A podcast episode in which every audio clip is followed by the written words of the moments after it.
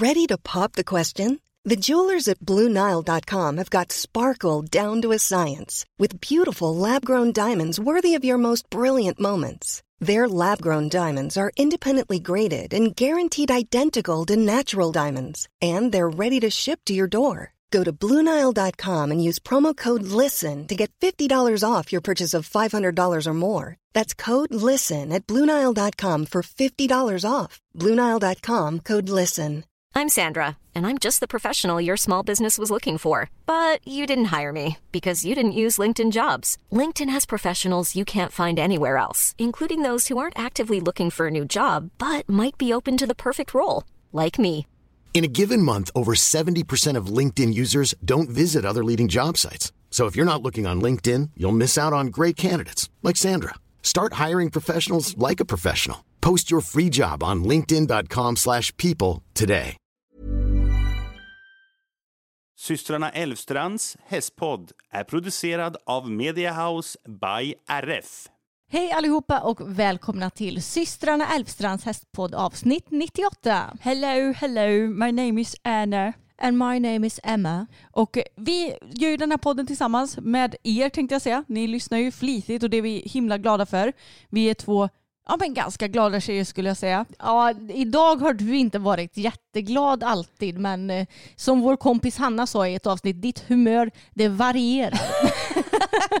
Det- Vi är ju mycket för varierad träning med våra hästar. Jag är också mycket för varierat humör tydligen. Exakt, så det går ju hand i hand det där tydligen. Ja, vi har ju tre stycken egna hästar som vi gärna pratar om i den här podden men vi pratar också väldigt mycket om ja, men olika artiklar som vi har fått syn på, lite hästhållning.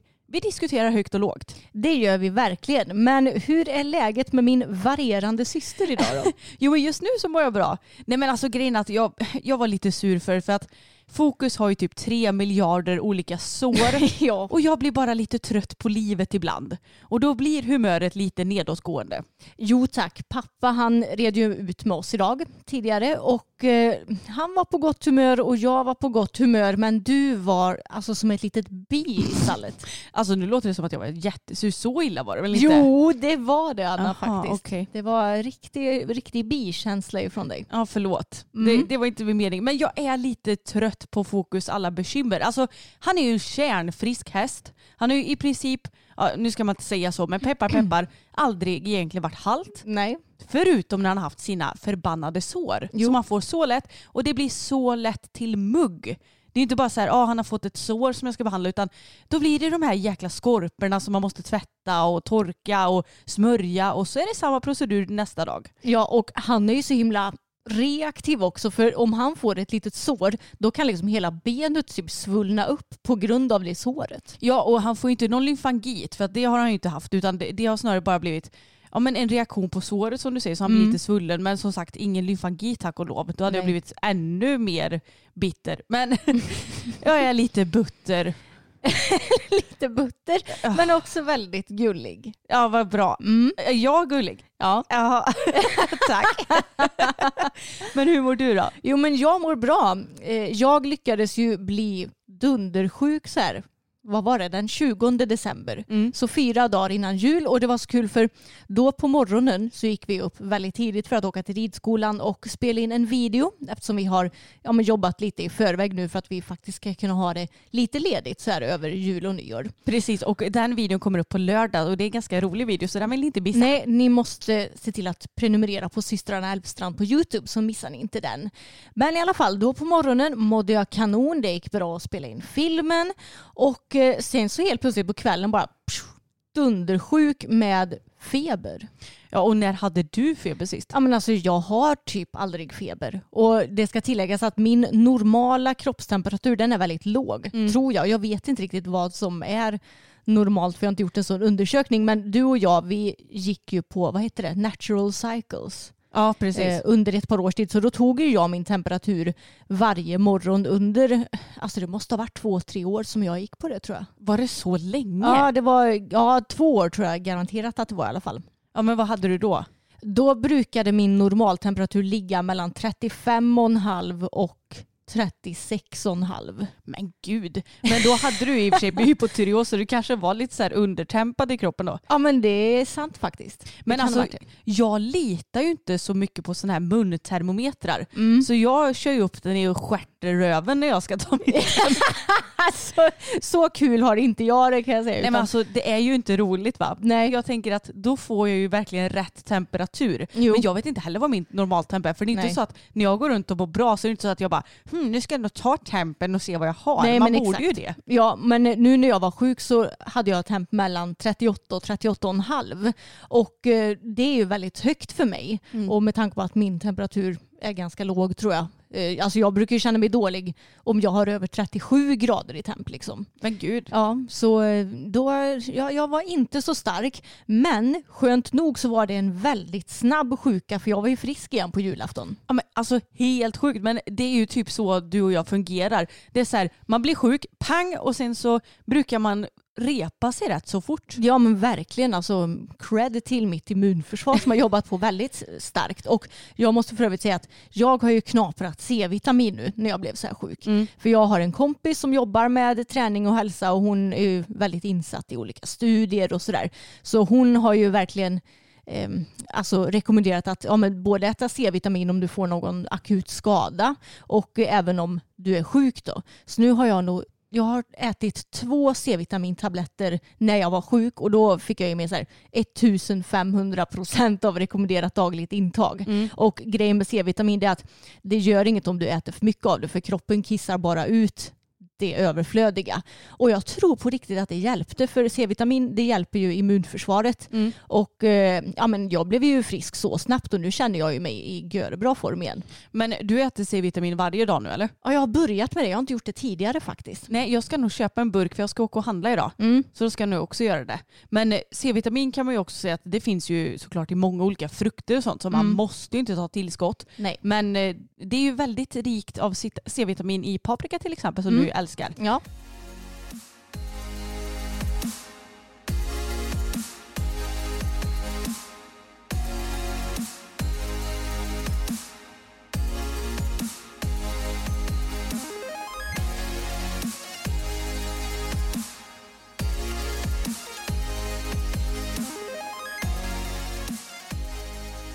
Vi hoppas ju såklart att alla våra lyssnare har haft en fin jul oavsett om ni har firat eller inte.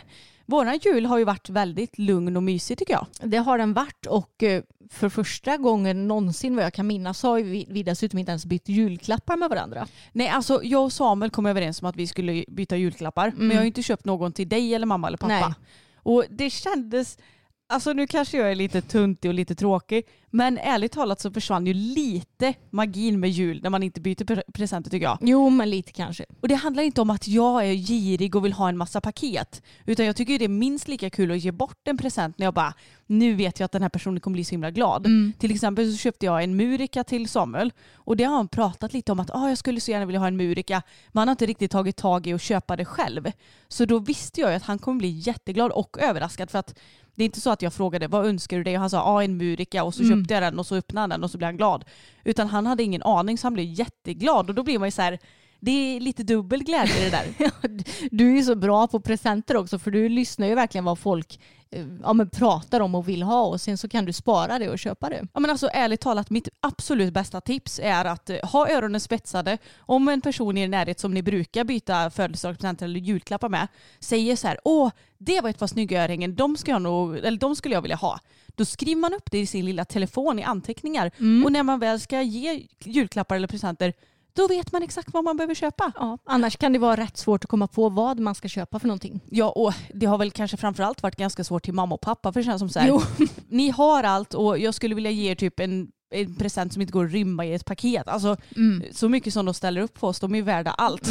Men eh, nej, så att det kändes lite weird samtidigt som Alltså vi är vuxna nu. Vill vi ha något så kan vi köpa det Ja, själva. Liksom. Och det gjorde jag i december. Vad köpte du då? Nej, men jag har beställt eh, nya jeans och eh, lite kläder och ja, men lite sådana grejer. Mm. Så det känns som att jag har ändå köpt det till mig som jag har behövt och velat ha. Så det har ändå varit skönt tycker jag. Jag är ju inte lika, alltså jag tycker inte det är så kul att köpa presenter till folk. Du tycker det är roligare att få? Ja, jag tycker ju det. Och, men jag tycker ju, alltså jag behöver egentligen inte heller få presenter ifrån andra utan jag tycker ju nästan det är roligare att köpa någonting till mig själv. Ja. För då vet jag att jag får ju precis det jag vill ha. Så jag är nog inte lika mycket presentig som du är. Nej. Både när det kommer till att ge och få.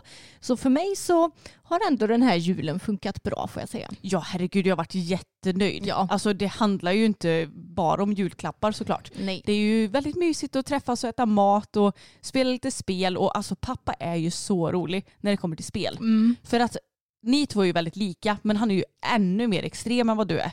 För det är så här, ett spel ska ha ett syfte. Vi spelar ett spel som heter fem sekunder heter det va? Ja, jag tror det. Eller på fem sekunder. Mm. Man, jag får upp en lapp och på den här lappen så kan det stå, stå till exempel eh, nämn tre runda saker. Mm. Och så ska Emma på fem sekunder, för då vänder man på en sån här tidtagarur är det ju inte men ni fattar vad jag menar. Mm. Eh, och så ska Emma säga ja men boll, eh, solen, Mm, tallrik. Ja, typ. Och så ska man hinna göra det på fem sekunder. Och pappa tycker att det är bullshit för att han bara, alltså det här handlar ju inte om någon kunskap utan det är bara stressigt och lala. Alltså han tyckte ju att det var helt värdelöst i Ja. spelet. Men det är ju bara för att han inte var så bra på det heller. Nej, jag vet. Så ja, det är ett väldigt bra spel så googla Mm. på det för att det är väldigt kul och lite så här stämningshöjare om man inte heter Hans då. Ja men exakt. Men eh, hästarna då Anna. Mm. Eh, nu har det ju varit jul. De har kanske gått lite mindre eftersom vi har ja, men, firat jul och sådär. Men eh, de har ändå gått ganska så mycket och vi har fått mycket hjälp av eh, både pappa och vår medryttare Jessica. Och nu i veckan så kommer vår andra medryttare Sigrid och hjälper till. Mm. Så även om det är jultider nu så går våra hästar som vanligt skulle jag säga. Eh, med undantag då att jag har lagt om Bellas träning nu lite under vintern. Ja, alltså, jag trodde ju först att du menade att hon skulle vila vila. Nej, Men nej. hon har gått på vintervila som innebär att hon inte ska behöva jobbas uppsuttet i paddocken. Eller? Ja, eller att hon inte ska alltså, träna någon hoppning eller dressyr. Ja. Eh, Så det jag gör med Bella nu, jag kommer göra det fram till och med ja, men runt den 10 januari tror jag. För vi ska ju på spa 7-8 är det va? Ja. Eh, Så jag tänker att jag kommer börja träna det lite mer ordentligt efter det. Men eh, ja, hon har ju hopp och dressyrvila så just nu så rider vi ut som vanligt och då är det ju alla gångarter. Eh, vi mentaltränar i paddocken och jag kan longera henne med ekiband. Och sen skulle jag ju också kunna typ hoppa upp i paddocken och rida med typ ja, men repgrimma eller halsring. Ja. Men liksom bara lite plojigt och skojigt och inte något, eh, något större krav på henne. För jag känner att hon har gått så jäkla bra nu hela hösten. Alltså jag har typ inte kunnat klaga på någonting. Hon har varit helt fantastisk. Så nu får hon lite plojiga och stojiga veckor så att, så att hon verkligen kan behålla ja, men, sitt goda humör eller vad man ska säga. Så att hon håller sig motiverad i skallen. För det är ju det som är grejen med henne. Att hon är ju Alltså hon gör ju alltid sitt bästa. Men det som du behöver göra med henne det är ju att motivera henne så att det ska bli kul. Alltså jag skulle ju aldrig kunna rida henne på banan sex dagar i veckan. Då hade hon bara nej jag tänker fan inte vilja gå på banan, jag vill ut i skogen. Alltså man måste ju variera väldigt mycket med henne. Och hon tröttnar ju lätt på framförallt dressyr. ja. alltså hon är så rolig för att när hon tröttnar lite så kan hon bli så här, nej men då ryggar jag och man bara, jag har inte ens bett dig om att rygga. Nej. Så då blir hon lite så här, protesterar fast inte så högljutt. Nej, exakt. Och hon har varit lite som det senaste. Varit så här, nej nu lägger jag in backen i början. Men sen när hon väl har kommit igång så har hon varit helt fantastisk i både hoppningen och dressyren. Så jag känner att det här kommer nog passa henne helt perfekt nu under några veckor. Ja men alltså det är ju faktiskt en väldigt tacksam vila för att jag kan bli lite sån här, innan en vintervila så blir man så här, ja ah, men gött då kan jag passa på att göra lite annat och självklart har man ju hand om sin häst. Men det blir inte riktigt samma sak som när man har igång och rider den. Men den här vilan då blir det ändå paus för hästens huvud lite granna samtidigt som att man håller igång kroppen för att alltså äldre hästar behöver ju inte vila i riktigt samma utsträckning som yngre. Nej. Men det är klart att det kan ju vara skönt för dem att få någon form av vila så att det inte blir hårdträning hela, hela, hela tiden. Ja, precis. Alltså jag är mycket mer för mikrovilor. Att hästen kanske får vila två dagar i sträck någon gång ibland. Ja. Och jag menar det är bara att jämföra med mig själv. Jag är också vuxen och eh, alltså om inte jag tränar ja, men fem dagar i veckan så blir ju min kropp helt förstörd. Typ. Nu är ju kanske inte riktigt Bellas kropp i så dåligt skick som min kropp är då, om man ska jämföra så. Men jag märker ju absolut aldrig någon fördel för min egen kropp och knopp att jag vilar från gymmet mer än ett par dagar i rad. Liksom. Nej men precis, så att jag tror att det är lite likadant med hästarna. Mm. Och Tage har ju också varit fin det, det senaste. Ja. Jag har passat på nu för det har faktiskt varit ganska kallt här. Det har ju krupit ner mot typ 18 minus som kallas. Har det varit så kallt? Ja, det har faktiskt varit Mm. det i, i no, alltså inte jättemånga timmar men Nej. några timmar. Och nu när det har varit så kallt då blir man ju lite så här, ja, man får klä på sig extra mycket kläder. Och det har varit så här, nej men vet ni vad? Då rider jag lite barbacka. Mm. För att jag tycker att då känner man sig inte riktigt lika klumpig. För man behöver inte ha i stigbyglar och sådär. Så vi har plojat runt lite i paddocken jag och Tage. Mm. Och han är ju så mysig att rida barbacka på. Ja det är han. Och han var så... Idag red jag honom för pappa han sa nej jag vill inte rida ut om inte jag, eller rida mer om inte jag får rida Bella. Sa, det var hans eh, Ultimatum. Ja, ultimatum i februari. Jag bara okej, ja men det spelar ingen roll jag kan ta Tage. Och han var så pigg när vi Ja. red ut idag. Ja det var helt galet. Alla tre var ju väldigt pigga. Ja. Men både Fokus och Tage var så här, de visste typ inte vart de skulle ta vägen. Nej. Och pappa och Bella, låt mig säga som så. De sprang iväg i 300 km i timmen i Mm. trav. Alltså från första travsteget. Så att jag och Fokus fick ju rida i någon jäkla mellantrav så här. Alltså han, du vet, han blir lite svävigare i steget Ja. för han får ta ut steget så mycket. Jag bara, alltså pappa du får hålla in Bella lite för det är inte bra för dem att springa så här Nej, alltså, hon springer ju fram som en älg som travar på vägen. Det är helt sjukt. Alltså, hon är så snabb i traven. Inte lika snabb i galoppen som hon är i traven. Nej för det var kul när vi sk- väl skulle galoppera. Då tänkte jag "Ah, nu får man ju väl hålla i manen så att Fokus får någon flipp här. Mm. Nej men då gick det ju hur långsamt som helst Ja. istället. Jag vet. Ja, och jag och Tage fick ju typ galoppera bakom er när, vi, när Bella travade som snabbast. Mm. För det, det gick så fort. Och det är det som är grejen med Bella. Att hon, hon blir ju pigg ute i skogen och eh, rider du bakom någon så kan ju hon inte springa på på samma sätt. Nej. Men går hon först, alltså då jäklar kan hon dra iväg och då gäller det ju att man kan bromsa lite. Men pappa tycker att det är så kul så han låter ju henne bara springa. Ja och jag tänker så här, det är väl inte hela världen om de får springa på lite ibland men hela turen blir lite jobbigt för oss som rider bakom framförallt. Ja. Bara, Hallå, jag, jag fick gapa på pappa och bara Hallå bromsa lite nu då. alltså, de hade det väldigt kul kan jag säga. Mm. Men jag är faktiskt väldigt glad för Fokus han var faktiskt lugn. Mm. Han har ju tidigare varit lite så om han har gått två att han har blivit lite bockig och busig och det ska han väl såklart få vara. Alltså det är klart att han ska få busa. Men jag är alltid lite reserverad för hur mycket kommer han att busa? Jo. Kommer jag ramla av här i skogen? Mm. På den stenhårda grusvägen? Ja. Nej okej så hård är den inte nu när den har snö på sig men ja, du, vet, du förstår ju att jag blir lite nojig. Mm. Men han har ju varit verkligen, alltså han har hållit sig i skinnet men varit pigg. Mm. Och då blev jag väldigt glad. Och jag måste säga också att vår medryttare Jessica har ridit honom, jag tror det blev två dagar i sträck va? Ja. Så eh, på lördagen så red hon i paddocken och i söndag så red hon ut med pappa och Bella då. Men alltså jag fick så mycket lovord om fokus när hon hade ridit honom i paddocken i lördags. Det var jättekul för att hon har inte kunnat rida på typ ett halvår ordentligt Mm. för att hon eh, trillade av en annan häst och bröt eh, både nyckelben och reben och hon är inte rädd för att rida nu tack och lov vilket ju är skönt för att det kan man ju bli efter en olycka. Så hon har ju då inte kunnat rida ordentligt på jättelänge som ni förstår. Men så red hon fokus i lördags och hon bara Alltså det är en helt annan häst nu Mm. Anna. Han är mycket lugnare och när man väl har fått honom framme för skänken, för det är ju lite, han är ju alltid lite seg i början. Mm. Men sen när han väl har kommit igång så är han så fin. Alltså trots att jag inte har så bra koordination och timing nu när jag inte ridit på så här länge så är han jättetrevlig och jag bara men gud vad kul. Ja, och hon märker ju också stor skillnad på honom i paddocken, att han inte är lika Mm. spänd och så längre. Nej alltså det är jätteskillnad på honom. Mm. Och sen så tror jag att det är ännu bättre för honom nu när det är snö ute för att då är allt enhetligt för honom. Då är det inte någon blomma som sticker Nej, ut och precis. någon blöt fläck där utan allt är vitt. Ja, Så han är ju nästan som lugnast på vintern faktiskt. mm. men alltså, vi märker ju så stor skillnad på honom i paddocken efter att eh, han fick prata med Kajsa, alltså Mm. ljudkommunikatören. För ja, men du har ju sagt att innan det så var det som att rida som om det var en vägg där som du red emot. Ja. Eftersom det blev ju så mycket energi från Sigrid, då, vårt gårdsspöke, som han tyckte var jobbig. Och sen så när han har fått eh, ja, men prata med Kajsa om det och liksom bearbeta allting och förstå att ja, men det är inget konstigt och sådär. Då har ju han blivit så mycket lugnare att rida där. Det enda, de enda gångerna som han har spänt till där nu egentligen, det har ju varit men till exempel oj nu var det en blomma som kommer helt plötsligt eller Mm. en buske, alltså någonting som har stuckit ut ifrån marken. Ja. Men han har ju inte varit rädd för den delen av paddocken generellt som han har varit hela ja, men hela tiden som han har bott här annars. Nej, alltså det är klart att jag märker väl pyttelite skillnad. Det är ju inte så att han är 100-100% trygg Mm. fortfarande. Utan en liten, liten nyansskillnad får jag erkänna att det är. Jo. Men det kan ju lika väl sitta i mitt huvud också efter Ja. så här många år tillsammans. Men eh, ja, det är ju lite så att han kan ju bli rädd för en blomma eller någon färgskiftning.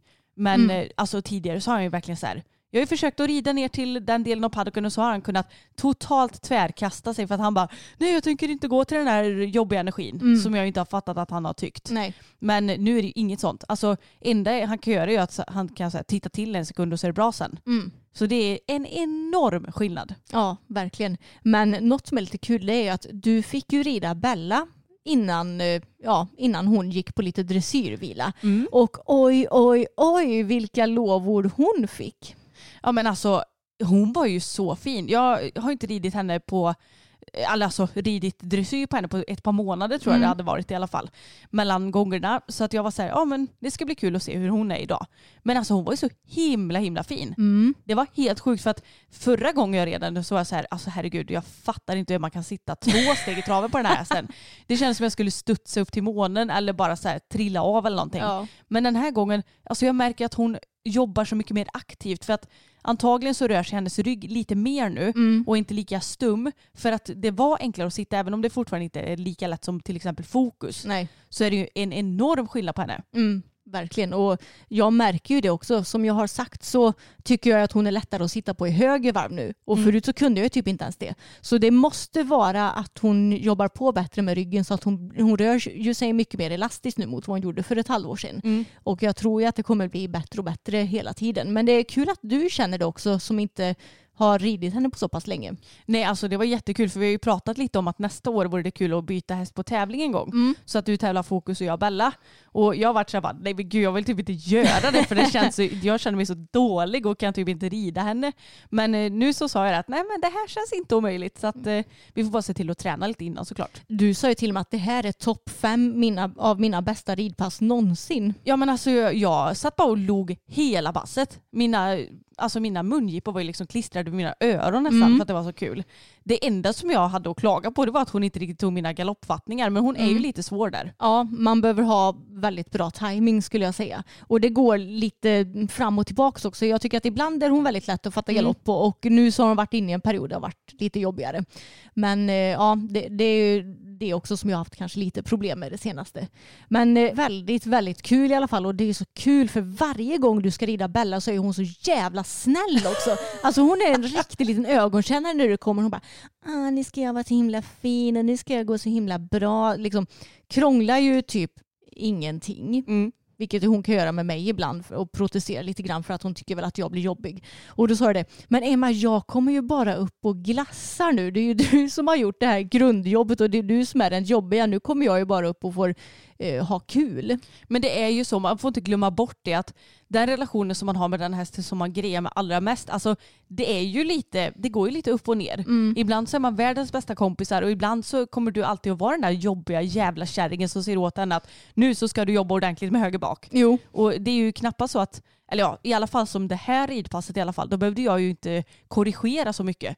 Utan jag kunde ju mest bara så här, ja men jobba på det som jag kunde. Och jag jobbade ju samling och lite jobbiga grejer men jag behövde ju inte alltså, sitta där med, med detaljer som du kanske behöver göra. Nej. Jag menar det är ju samma sak med fokus ibland. Då kan jag bli också sådär att när någon sitter upp och bara jaha, här sitter de typ och glassar. Men så får jag ju påminna mig själv om att det är ju likadant för mig. Mm. Det är ju ändå jag som sitter och gör det här jobbet nästan alla dagar i veckan. Ja. Och när någon annan väl kommer upp så kanske inte den behöver jobba lika mycket. Nej, men så har jag känt de gångerna när jag har ridit fokus Mm. senast. Att jag också har kunnat sitta där och glassa för att han har varit så himla fin. Men eh, det är ju också väldigt nyttigt att faktiskt rida varandras hästar ibland. Mm. Och jag menar, det är ju kanske inte så många som har en syster eller något syskon att rida som man kan dela hästar med. Men du kanske har någon kompis eller någon stallkompis som du kan prova att byta häst med ibland. För det är väldigt nyttigt att både se någon annan rida din egen häst och sen att få testa någon annan häst. För många gånger så kanske det kanske finns en, ett ekipage där du tänker åh det ser så himla fint ut och det ser så himla lätt ut när hon eller han rider den hästen. Och sen när du själv får prova att sitta upp på den hästen så kanske du inser att ah, okej det var visst inte så lätt utan eh, hon eller han rider mycket mer än vad jag tror eller man ska säga. Ja precis att effektiviteten i hjälperna inte syns på samma sätt. Ja men exakt. Så kan det ju verkligen vara. Nej det är jättenyttigt och jag tror nästan att vårt upplägg att inte rida varandras hästar jätteofta ändå är lite optimalt. Mm. För att då märker du och jag också väldigt stor skillnad när vi väl sitter upp på varandras Ja. hästar också. Precis, så jag tror det är bra att jag rider mestadels Bella, du rider mestadels Fokus och sen så Tage delar vi lite på. Ja. Och sen så provar vi de andra hästarna ibland. Men ja, jag är ändå lite taggad får jag säga på att prova att tävla Fokus någon gång nästa år. Mm. Eh, och du får ju träna på att bara sitta ner lite mer i traven på Belsan då. Ja och de här galoppfattningen, om vi ska rida lätt i B1 så behöver jag ju så här, komma ur hörnet och så ska det vara galopp. Ja men precis. Så det får vi träna lite mer på. Men Mm. eh, jag är också peppad. Ja.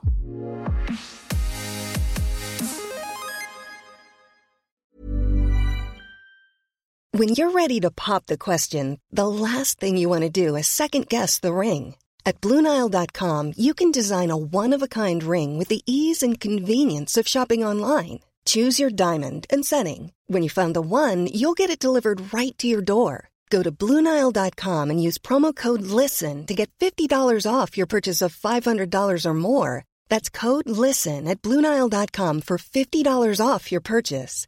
Bluenile.com code LISTEN. I'm Sandra, and I'm just the professional your small business was looking for. But you didn't hire me because you didn't use LinkedIn jobs. LinkedIn has professionals you can't find anywhere else, including those who aren't actively looking for a new job but might be open to the perfect role, like me. In a given month, over 70% of LinkedIn users don't visit other leading job sites. So if you're not looking on LinkedIn, you'll miss out on great candidates like Sandra. Start hiring professionals like a professional. Post your free job on linkedin.com/people today. Ja, men en rolig händelse som också har skett nu det senaste. Det var så här, Samuel åkte till jobbet lite tidigare än mig. Han börjar klockan sex, typ varje morgon förutom när han jobbar kväll då såklart, för då jobbar han ju betydligt senare. Men så skulle han åka till jobbet. Och Bosse, vår katt, han följde med Samuel ut. Han hade fått sin frukost och så skulle de ja, men, tillsammans gå iväg lite längs grusgången. Bosse antagligen till sitt utrymme som han har i sin lada så att han är ju aldrig ute i princip. Det är ju som Siri. Ja. Antingen är de inomhus eller så är de i sin lilla lada typ. Ja, men i alla fall. Så Samuel han satte nyckeln i låset och skulle låsa om mig som fortfarande låg kvar och sov. Och så hör han bara så här. Och Samuel bara, vad tusan var det där? Vad gör du Bosse? tänkte han så här. Och sen så hörde han igen bara. Och då fattade han ju att det var en häst utanför oss. Mm. Och grejen är att vi har ju ingen hästgård, jag och Samuel, utan Emma har ju hästarna hos sig. Och vi har, är det fyra, alltså vi har massa hästgårdar runt omkring oss. Mm. Så det är ju väldigt hästtätt där jag och Samuel bor och vi bor i en fristående villa men det är liksom på landet. Ja, så då så var det ju typ tio hästar på åkern utanför oss. Nej men gud. Det var helt sjukt och jag fattade ju ingenting för han hade inte sagt någonting till mig. Skulle jag någon timme senare, eller ett par timmar senare, åka till dig efter att ha tagit lite sovmorgon så här mitt i veckan. Så skönt. Ja, så då knallar jag ner på grusgången så här och så tittar jag ut över gräsmattan och bara eh, okej, här är det typ en miljard hovavtryck. Ja. Och jag bara, tack och lov att det är fruset ute för annars så, tänk om det hade varit väldigt blött, då hade Mm. ju de förstört hela vår gräsmatta. Men eh, som tur var var det ju fruset. Mm. Men så går jag några meter längre fram och bara, jaha, här har någon gjort ett annat sorts avtryck. Mm. Då låg det hästskit i vår trädgård. Vad mysigt. Alltså, ja men grejen var så här, först så tänkte jag bara, ska jag höra av mig till ägarna och be dem att mocka upp skiten? Ja det borde jag ju egentligen göra kanske. Mm. Men sen så kände jag bara, jag pallar inte. Så jag tog två stycken sådana här som man köper i affären, alltså ICA-påsar typ. En runt ena näven och den andra som en bajspåse och så fick jag plocka upp skiten. Ja. Men det roliga var att då kunde jag lika gärna passa på att plocka upp Bosses skit också. För att han är normalt sett en sån katt som inte gör någonting i trädgården för att han är ändå väldigt redig. Men nu när det har varit snö ute och så hade det ju töat då också. Mm. Då ser ju han snön som en enda stor kattlåda. Mm. Det gör väl Siri också? ja det gör hon också. Ja, så då kunde jag lika gärna passa på att plocka upp hans skit också. Mm. Så jag fick mocka hemma hos mig. Det kan jag säga att det har aldrig hänt. Nej det kan jag förstå. Jag blev bara så, alltså jag skrattade ihjäl mig när Samuel berättade om Bosse Mm. och att han trodde att det var Bosse som hade frustat först. bara, Från en liten, liten, liten kisse. Ja men på tal om att mocka. Nu när vintern är här så är det ju så för förbannat jobbigt för oss att mocka i lösdriften och i hagen. Ja men alltså de är så otroligt stökiga. Mm. Och jag trodde, alltså man får ju försöka att se saker och ting positivt. Vi är ju skitledsna över att vår älskade älskade Boppen har försvunnit ifrån oss. Och att det närmar sig tre månader som vi har tagit bort honom nu, det känns helt sjukt. Mm. Men då var jag så här, ja ja, men en positiv aspekt är ju att det kanske åtminstone blir lite mindre att mocka. Men det kan jag tala om att nej, det, vi märker inte någon som helst skillnad. Det är exakt lika illa, Mm. om inte värre. För alltså jag vet, ja, alltså, det är inte kul att behöva stå i flera timmar och mocka liksom, när man är själv. Nu idag till exempel så var det både du och jag som mockade. Så då kommer jag tänka att ja, det borde gå dubbelt så snabbt. Men eh, alltså, jag vet inte hur länge som vi stod och mockade. En timme? Eller? Var det så lång tid? Ja men det kändes som det i alla Ja fall. det var ju länge i alla fall. Mm. Och grejen är också att de skiter ju och pissar mycket i lösdriften. Man bara, ni kan inte bara ha det här som ligghall så att ni kan Mm. bajsa någon annanstans. Men de bara, gud vad skönt det är att ha en ordentlig toalett. Ja. Eh, Och sen så är det hö att mocka upp för att Mm. de sprider runt det och bajsar i det. Mm. Och sen så är det ju att eh, skitarna fryser fast också. Ja. Men där har jag ett litet tips. Och det är, vi har ju en sån här eh, ogräshacka. Jag vet inte om det är pappa som har tagit fram den eller någonting. För det var asbra att hacka bort skiten med. Mm, vad bra. Mm, så det kan jag ändå rekommendera er som mockar lite på vintern. Ha en sån här ogräshacka. Jag tror det heter så. Jo men det tror jag med. Ja, det är i alla fall en platt eh, grej som man har i trädgården. Inte en sån här klo. Och Mm. inte heller, för vi har ju haft en järngrep tidigare, men alltså det är mycket bättre med en sån hacka. Mm. Nej, så då får man ju först, alltså det är inte bara det här att plocka upp skiten, utan först måste man hacka loss skiten och sen plocka upp den. Mm, och vi gör ju så att vi hackar loss det och sen så krattar vi typ ihop alla skitar och Mm. hö så att det ska ligga på samma ställe och sen får vi ta upp det. Eh, och sen lösdriften kan man ju mocka ungefär som vanligt men där är också skitarna frysta ibland. Mm. Eller så gömmer de skitarna under massa halm och de sprider ut halm och de äter halm. Alltså de är så förbannat otacksamma att mocka åt. Ja. Ja, som sagt, de som tror att det är mindre jobb att ha hästar på lösdrift. Ja visst, det kan det ju vara om man inte tar hand om sin lösdrift. Men för oss som faktiskt har hand om lösdriften och eh, hagen där hästarna mestadels eh, står och äter och bajsar. Alltså det är skitmycket jobb så här på vintern. Ja, det är fruktansvärt. Och man, då kanske ni som lyssnar tänker, ja men kan inte bara skita i att mocka nu på vintern och ta det när det töar istället? Men alltså, vi har tillräckligt att göra även fast Mm. vi mockar så här på vintern varje dag. Så att det hade jag inte velat göra. Nej, och när det kommer töa nu så kommer vi också behöva stå i flera timmar och mocka upp allt. Ja, men då kan vi ju försöka att tajma in det ihop med typ eh, pappa eller Mm, ja. något så att de kan hjälpas. Eller så vi kan hjälpas åt. Men när vi ändå är inne på lite tips då. Så måste jag faktiskt rekommendera Jacksons jacka som vi köpte på Ullared, du vet Emma. Mm. Jag tror den heter Mary-modellen om jag inte minns helt fel. Okej. Men det är i alla fall en lång jacka från Jackson som vi köpte på Ullared för tusen kronor. Alltså den är faktiskt väldigt bra. Jag måste säga att jag är positivt överraskad. Mm. Eh, den är lite så här, i materialet så är den mycket mer vattentät än till exempel våra, vi hade ju UHIP-jackor förr. Ja. Och den är ändå varm och man, har, man kan ta om så här ett snöre runt benen så att man kan öppna den både i bak och i fram. Och samtidigt så sitter den fast på benen om det blåser och har sig. Och ja, men jag, det enda jag har att klaga på det är att luvan på den är fast. Mm. Och jag gillar ju inte riktigt att ha luva på mina jackor. Inte jag heller och det är ju, jag köpte ju också en sån men jag kan inte använda den för jag är ju så extremt känslig när det kommer till kläder. Alltså ni ska bara veta, jag kan inte ens ha i lappar i kläder för att jag tycker att det kliar och sticker. Så jag klipper av alla lappar som om jag vore ett litet barn. Eh, jag kan inte ha någonting som trycker på liksom halsen, hakan. Det får inte trycka någonstans. Jag klarar inte av att ha något tryck på min kropp. Och eh, den här jackan då från Jackson, eftersom den har luva och är lite styvare i materialet eftersom den är lite vattentät, då blir det att luvan trycker liksom bak eh, jackan i halsen. Mm. Så att materialet som är vid halsen det är ju typ som en polokrage nästan kan man säga. Det går väl upp till hakan. Ja. Alltså då blir det att det, eftersom den lutar sig bakåt så trycker det mot hakan och halsen. Och det klarar inte jag av så jag kan inte använda den. Nej, jag klarar inte heller av det så jag har det alltid öppet. Ja. Och det är ju inte så kul. Alltså, det måste jag säga att det är ju folk som gör jackor lite dåliga på. Jag Mm. tänker också så här, alltså, nu, nu köpte jag den jackan i två storlekar större än vad jag brukar ha. Mm. Bara för att få plats med så här ordentligt med jackor och grejer under. För, eller ja, jo jacka också om det är så. Men då tänker jag också så här, alltså de som gör vinterjackor, hur tänker de egentligen? Ja. För att den som faktiskt har den storleken som jag har i min jacka, den kommer ju typ inte få plats med någonting under. Nej. Och den kanske dessutom har lite större typ haka eller du vet hals Mm. och sådär. Då får ju typ inte det plats med det heller. Nej, jag vet. Så det tycker jag är lite konstigt. Ja. Man kanske borde uppfinna en grej som man kan så här, eh, alltså som en typ halsförlängare Mm. fast halsbreddare för jackor. Ja. Jag har ju en jacka, eller kappa ifrån Höök som jag köpte förra året va? Mm. vill jag minnas. Den älskar jag. Alltså den är varm och eh, den har ju ingen störig luva. Den trycker inte någonstans. Den är som ett mjukt litet fluffigt moln att ha på sig. Den är lagom lång. Jag älskar att den har dragkedja i bak så att inte knapparna liksom poppar upp när Mm. man böjer sig framåt utan man kan dra upp och ner dragkedjan som man vill.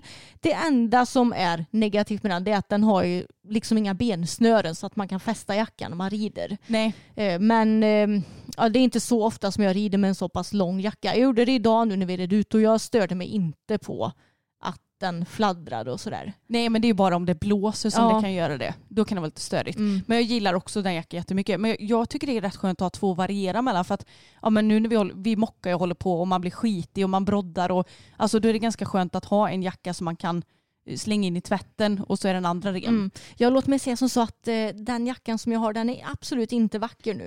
eh, det är den inte. Men eh, jag tänker skitsamma. Jag, jag tyckte att det var lite kul för att häromveckan så fick jag en kommentar på min Instagram där en person undrade hur jag gör med mitt hår när jag tävlar för att det ser så prydligt ut. Och jag, jag fick läsa kommentarer flera gånger för jag bara, alltså är den här sarkastisk eller är den seriös? För att jag har ju alltid varit sån här, det glömde jag ju för övrigt att fråga Therese när hon gästade oss, Mm. hur det egentligen är det här med frisyrer. För att jag vet att i TR, i dressyr-TR så tror jag inte att det är något krav på att man måste ha eh, värsta frisyren, alltså med så här donut och allt vad det nu är. Men det kanske det är på hög nivå, det vet ju inte jag. Men eh, i alla fall, alltså jag tycker att det, jag tycker det är väldigt fint med frisyr, så det är inte så att jag klankar ner på de som har det. Men jag tycker själv att det är så mäckigt. Det får typ inte plats under hjälmen att fixa någon så här donut-skit. Och jag blir bara så irriterad och jag kan typ inte göra frisyr på mig själv. Nej. Så det enda jag gör det är ju att borsta upp mitt hår, ibland med en bajsig hästsvansborste. och sen så fäster jag upp det med en scrunchie. Alltså en sån här tygtofs. Mm. Och det är det jag kör. Sen har jag ju inte så långt hår så att det är väl inte lika störigt och i vägen kanske. Men jag gör ju ingenting annat och jag har ju aldrig egentligen gjort något annat heller. Jag har vid enstaka tävlingar försökt mig på att ha någon form av frisyr. Mm. Men då har jag varit så irriterad för då har ju hjälmen nästan suttit Ja, och täckt ögonen alltså. Ja, men som sagt med min så här enorma klädkänslighet och känslighet överlag. Eh, jag klarar inte heller av att ha någon liksom donut eller någonting som... Jag tycker dels att det blir obekvämt i nacken och dels så sitter inte hjälmen som den brukar heller. Nej, Så nej, det jag är inte mycket för frisyrer heller. Jag kör också på en scrunchie och sen så får, får håret hänga och slänga. Och nu har ju inte jag jättelångt hår heller. Men jag menar jag har ju haft svinlångt hår. Och då hade jag typ inte frisyrer heller. Jo, ibland kanske. Men jag, det var inte så att jag gillade det. Nej, nej. Men jag kan ändå förstå om man har svinlångt och tjockt hår, alltså att det nästan är som man sätter sig på det på rump, mellan rumpan och sadeln. Mm. Och, alltså jag fattar ju att domaren gärna vill se, det kanske blir lite störigt om det Jo, bara yr precis. massa hår.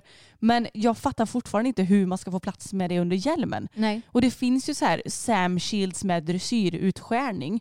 Men jag, jag, alltså jag kan inte förstå hur det får plats ändå. Mm. För mig är det en orimlig ekvation. Ja. Och det finns ju de som stoppar in håret i hjälmen. Men då förutsätter ju det att du köper en alldeles för stor hjälm som du ska knöka i ditt hår i.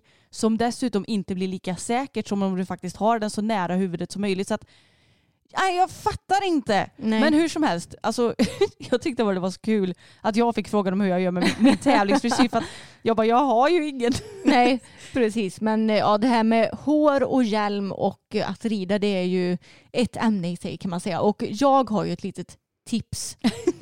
ett eh, ganska stort tips skulle jag säga till er som lyssnar och som rider. Och det är kort och gott, klipp inte lugg. Nej. Jag tycker att lugg är så himla fint oavsett om det är en liksom rakt avklippt lugg eller om det är en gardinlugg som ju har varit populärt nu. Alltså att man eh, ja, men har håret i en mittbena och klipper eh, luggen lite kortare närmast ansiktet. Alltså hur ska man förklara? Ja men man klipper ju håret lite i et- etapper oftast. Ja. Alltså att eh, det är inte en jätte... Det, nej men gud det är jättesvårt att förklara. Jag klippte ju gardinlugg för ett år sedan. Eller när, ja, Ja, något sånt där. ganska så exakt ett år sedan. Ingen jättekort gardinlugg men jag klippte av håret som är längst fram. Ja, närmast ansiktet. Ja, typ till käkbenet. Typ till käkbenen, ja precis.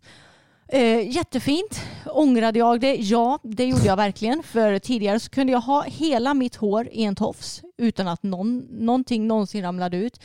Efter det, nej, då var jag tvungen att bunkra på med massa hårnålar så fort jag skulle sätta upp håret.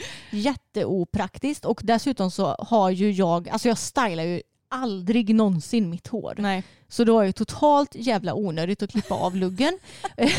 Tidigare i mitt liv så har jag haft en vanlig lugg, nästan som standardfrisyr. Också jättefint men också svinopraktiskt när du ska rida för då är ju den luggen i vägen och eftersom du har på ridhjälm så blir ju den eh, alltså, smutsig och fet snabbare än om du har håret ja, men, så som vi har nu i typ mittbena och att det får ligga och vara ur vägen ifrån pannan. Och när jag hade lugg senast, det var ju nästan innan torrschampot var eh, alltså, Ja, men jag tror typ inte det fanns Nej, jag, tror inte heller, jag kan inte minna att det fanns torrschampon så som det finns nu idag, alltså typ Batist. Utan Nej. det var nog snarare att man tog något puder och liksom fick lägga i håret och då var det ju dessutom också bara sånt puder som också gjorde håret mycket volumöst. Plus att det blev eh, väldigt mycket ljusare så det Ja. passar ju kanske blondiner men inte oss med mörkt hår. Nej exakt, så jag fick ju varje dag tvätta min lugg. Mm. Alltså innan jag skulle till skolan och sådär. Superopraktiskt verkligen. Så alltså, jag kan säga klipp inte lugg om ni precis som oss rider och tränar mycket för det är väldigt fint men det är också väldigt, väldigt opraktiskt. Men alltså du var ju så himla fin i sån rakt avklippt lugg. Mm. Tyckte jag, när du hade det. Jo. För du hade ju det väldigt länge. Och jag vet att jag klippte också sån lugg typ i åttan. Och sen Mm. kan jag ha haft det någon gång tidigare också. Men jag tror inte att jag gjorde så mycket med min lugg när jag hade den under hjälmen, att jag satte upp den med nålar eller så. Utan Nej. jag, jag tror jag bara här, tog den och så drog bak den med hjälmen Ja, typ. men det gjorde nog jag med. Mm. Eller att den bara fick ligga där. Men då måste man ju också klippa luggen hela tiden så den aldrig blir för lång så Ja. att luggen hänger ner i ögonen. Vi måste ju nästan lägga upp någon bild på oss när vi hade sån lugg. Ja, om jag hittar någon bild. Ja, ja, det finns ju många bilder på, på mig. Åh gud, nu kommer jag att tänka på de bilderna som vi tog för, det måste vara tio år sedan eller elva år sedan, du vet när vi gick till kyrkan, de hade ställt upp en sån De hade ställt upp en sån här julkrubba typ utanför. Ja, då går vi dit och har en liten photoshoot i så här fina stickade kläder, jättefint hår, hur mycket smink som helst. Mm. Alltså, det var ju sånt som vi kunde göra back in the. Anna. Ja, ja men det kom upp som minne häromdagen. Mm. Och då står och posar vid så här Jesu-krubban vid kyrkan. Alltså det jättekonstigt. Och så hade vi lagt upp de bilderna på Facebook. Ja. Va? Alltså jättemärkligt. Folk bara, gud vilka fina bilder. Men jag hade nog precis köpt ett nytt objektiv som jag Ja ville ut och just prova. det, ja. det var nog det. Ja, Mm. men ja där har du ju lugg i alla fall. Mm. Jag ska se om jag hittar någon bild med mig på lugg också. Mm. Med lugg menar jag, inte på. Och då hade jag väldigt mörkt hår också. Mm. Eh, och det tycker jag ju att jag bara passar i när jag är solbränd. För jag har ju lite så här mellanmjölkshud nu på vintern. Mm. Alltså den är inte så himla liksom, eh, snövitsljus eh, som din hy är. Och jag tycker att du passar väldigt bra i riktigt mörkt hår om du har antingen väldigt ljus hy och gärna lite kallare hudton som du har. Mm. Eller om du är lite mörkare av naturen. Eh, både liksom i håret och i huden. Men jag är ju inget där därav utan jag är precis däremellan. Mm. Eh, jag har ju relativt varm hudton och nu är jag ganska blek på vintern.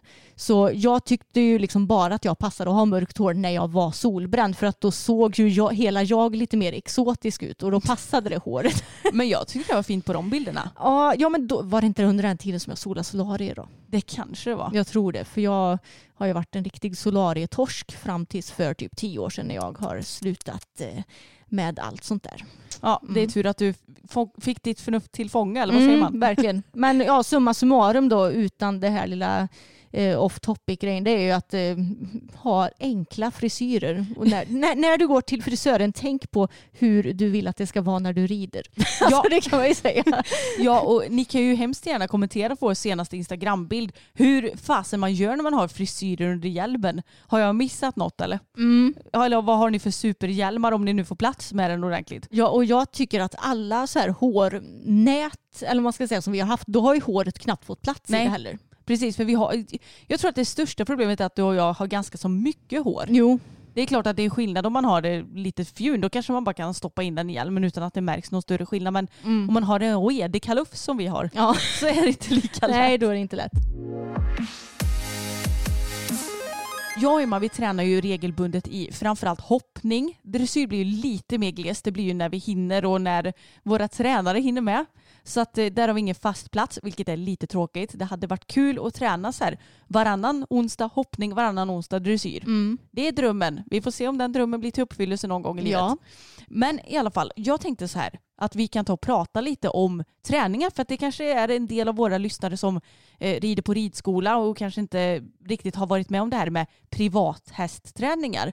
Lite tips, vad man kan tänka på och lite som vi har observerat. Mm.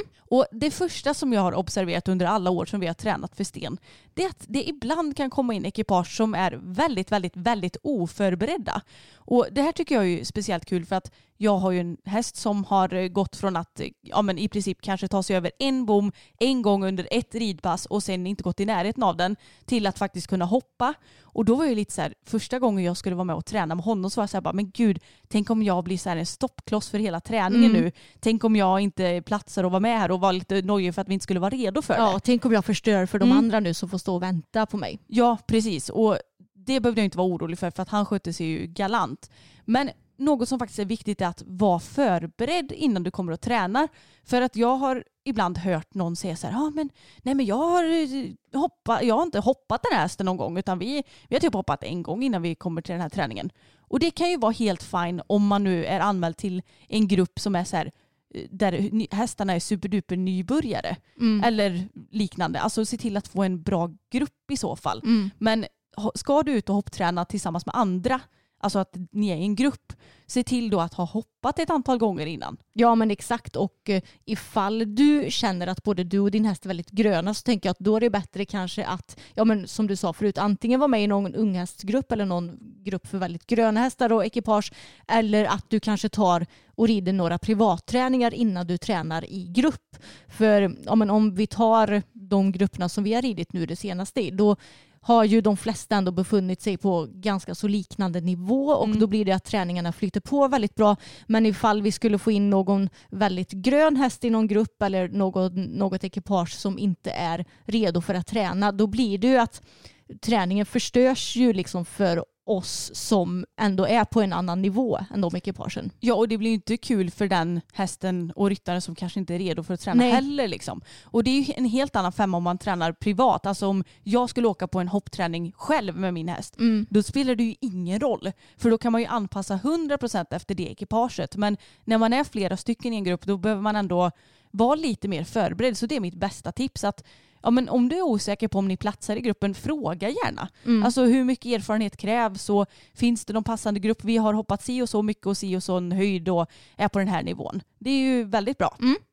Och sen så en annan grej som jag tycker är bra det är om ja men Sten, våran tränare, han håller på och höjer och sänker hinder och fixar med hinder och sådär. Och då kan det ju såklart vara bra för honom att ha någon i mitten som hjälper honom.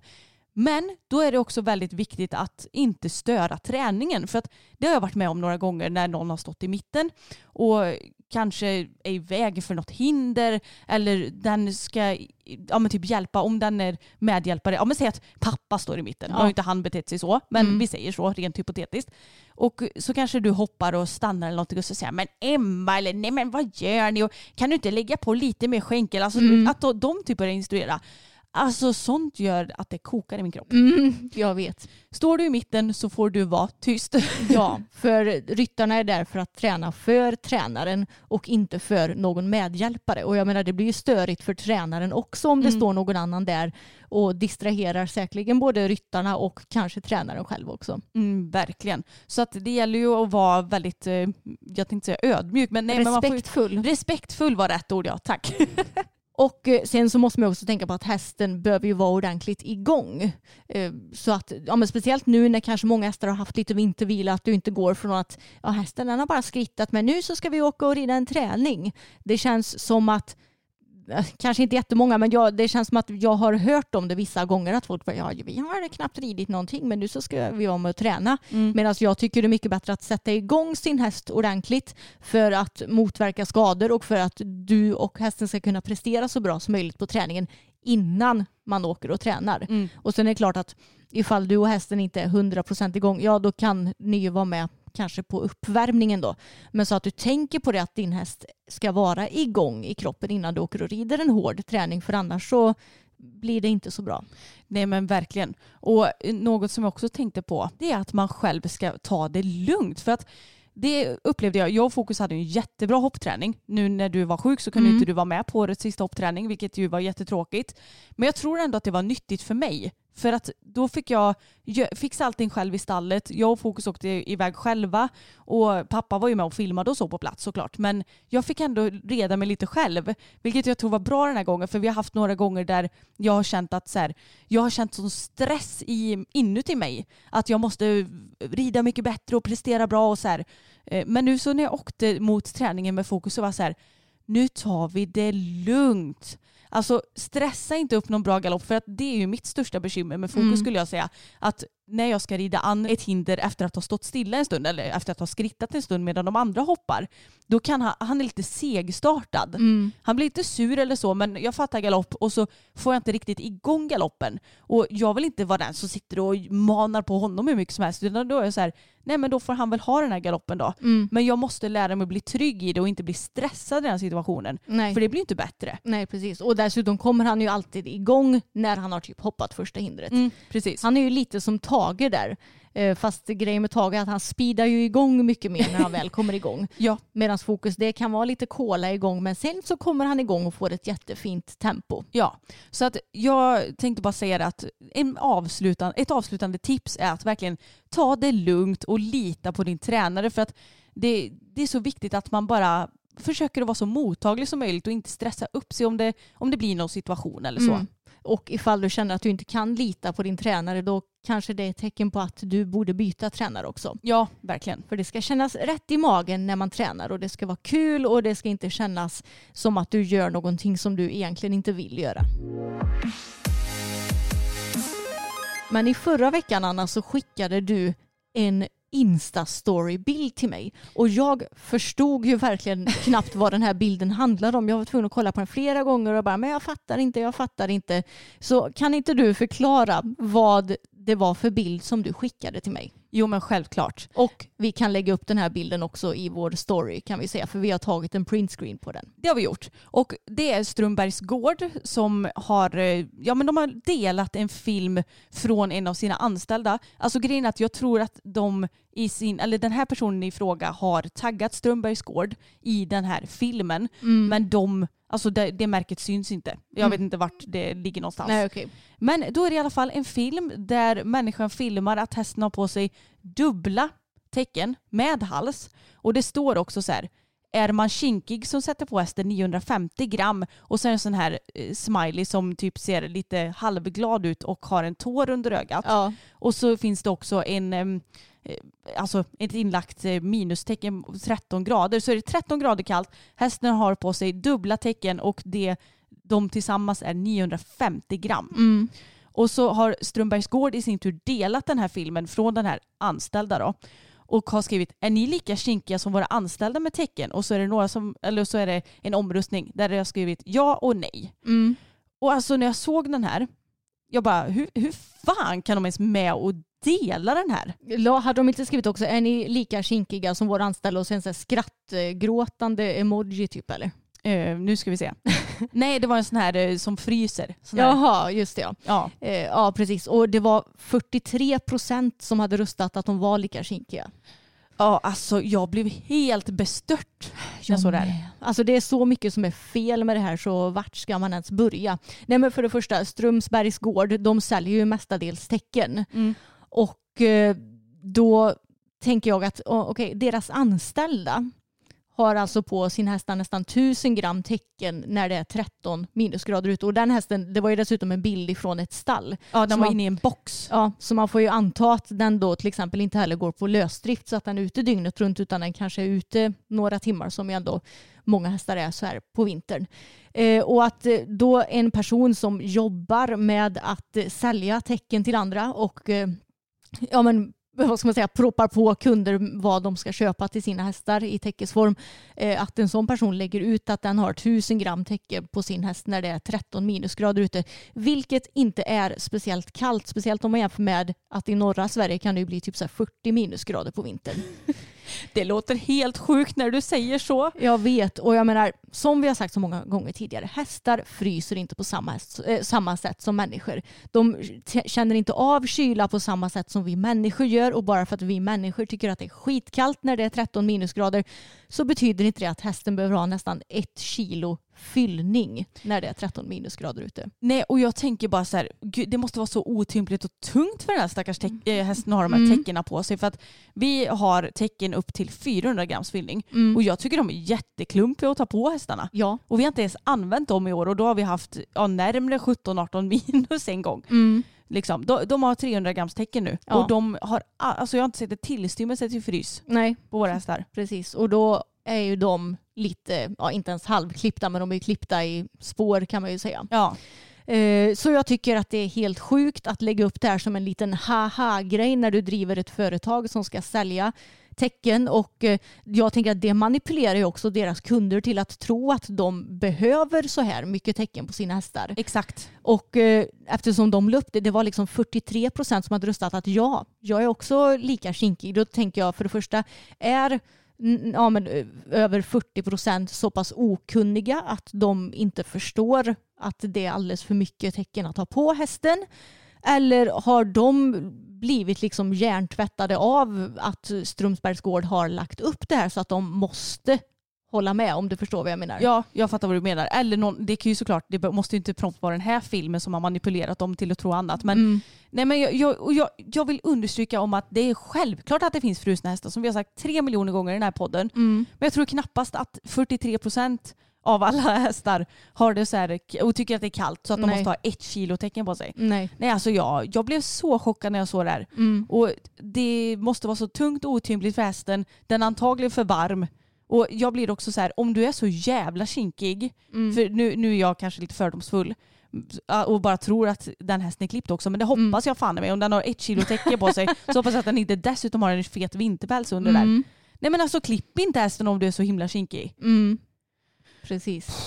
Åh oh, gud. Nej, alltså det här kan ju, jag gillar ju lite liknelser men det här, den här situationen, det mm. handlar, alltså jag tänker ju att det handlar om att Strömsbergs gård de vill sälja mer tecken och visar att ja, men din häst måste ha dubbla tecken på sig. Det gör ju att de får en vinst i sitt företag. Och jag kan jämföra det lite med så här, eh, det finns ju oändligt många fitnessinfluencers som opererar röven och sen så säger att nej jag har tränat mig till den här röven. Köp mitt träningsprogram så kommer du också få en likadan röv. Ja. Alltså förstår du ändå lite liknelsen även om den är ganska bisarr. Ja, jag förstår vad du menar. Mm.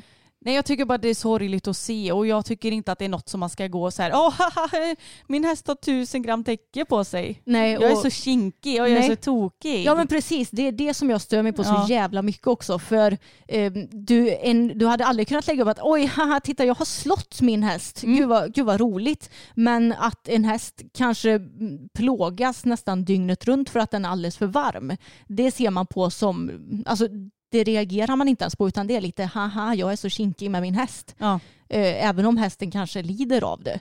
Men eh, att slå sin häst det är så här gud förbannat nej det skulle man aldrig göra och det skulle man aldrig lägga upp någonting på sociala medier om. Nej. Men att det här är så himla trivialt och accepterat. Ja, jag tycker det är ledsamt och jag hoppas ju verkligen att inte fler folk hör efter det här beteendet nu bara för att de såg ja, men en video om att det är okej. Liksom. Mm, precis.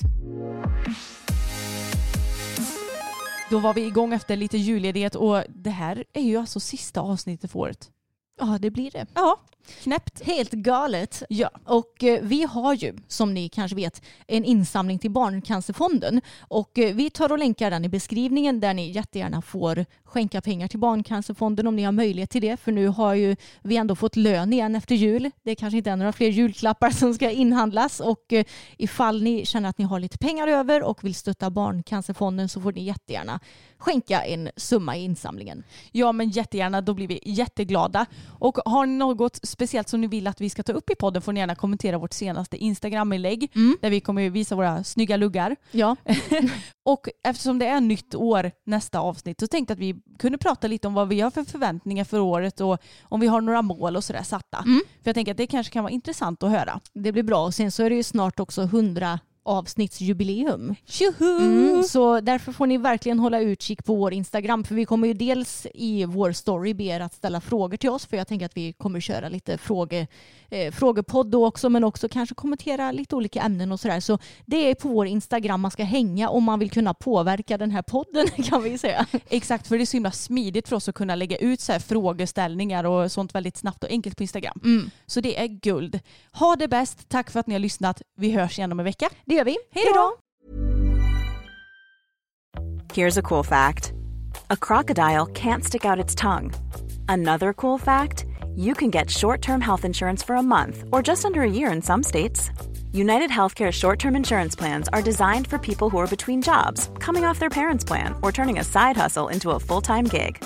Underwritten by Golden Rule Insurance Company, they offer flexible, budget friendly coverage with access to a nationwide network of doctors and hospitals. Get more cool facts about United Healthcare short term plans at uh1.com. Hey, it's Paige DeSorbo from Giggly Squad. High quality fashion without the price tag. Say hello to Quince. I'm snagging high-end essentials like cozy cashmere sweaters, sleek leather jackets, fine jewelry, and so much more. With Quince being 50 to 80% less than similar brands. And they partner with factories that prioritize safe, ethical, and responsible manufacturing. I love that. Luxury quality within reach. Go to quince.com slash style to get free shipping and 365 day returns on your next order. Quince.com slash style.